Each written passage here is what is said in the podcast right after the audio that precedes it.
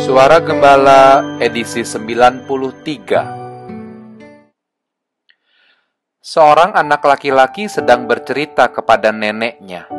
Ia mengalami hari-hari yang buruk di sekolah. Ia merasa tidak ada hal baik yang dialaminya di sekolah.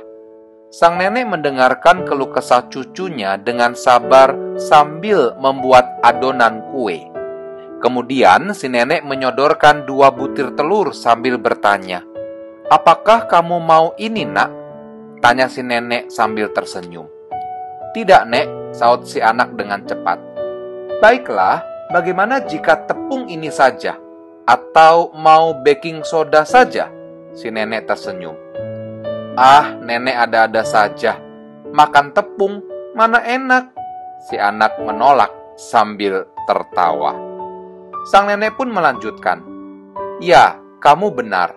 Semua itu tidak enak jika kamu memakannya sendiri-sendiri. Tetapi, kalau kamu menggabungkan semuanya dan mengaduknya hingga rata, semua itu bisa berubah menjadi kue kesukaanmu yang lezat. Untuk membuat kue yang enak tidak mungkin hanya terdiri dari satu bahan saja. Ada tepung, mentega, baking soda, minyak gula, dan sebagainya. Saudara Tuhan bekerja dengan cara yang sama. Ia memberi kita kehidupan dengan isi yang bermacam-macam. Tidak mungkin kita hanya mengalami kesulitan dan pergumulan terus-menerus. Selalu ada kemudahan dan berkat yang mengimbanginya. Saat Anda sedang menjalin hari-hari yang berat karena kesulitan hidup, ingatlah juga hari-hari di mana Allah melimpahkan berkat dan kasih karunia-Nya pada Anda.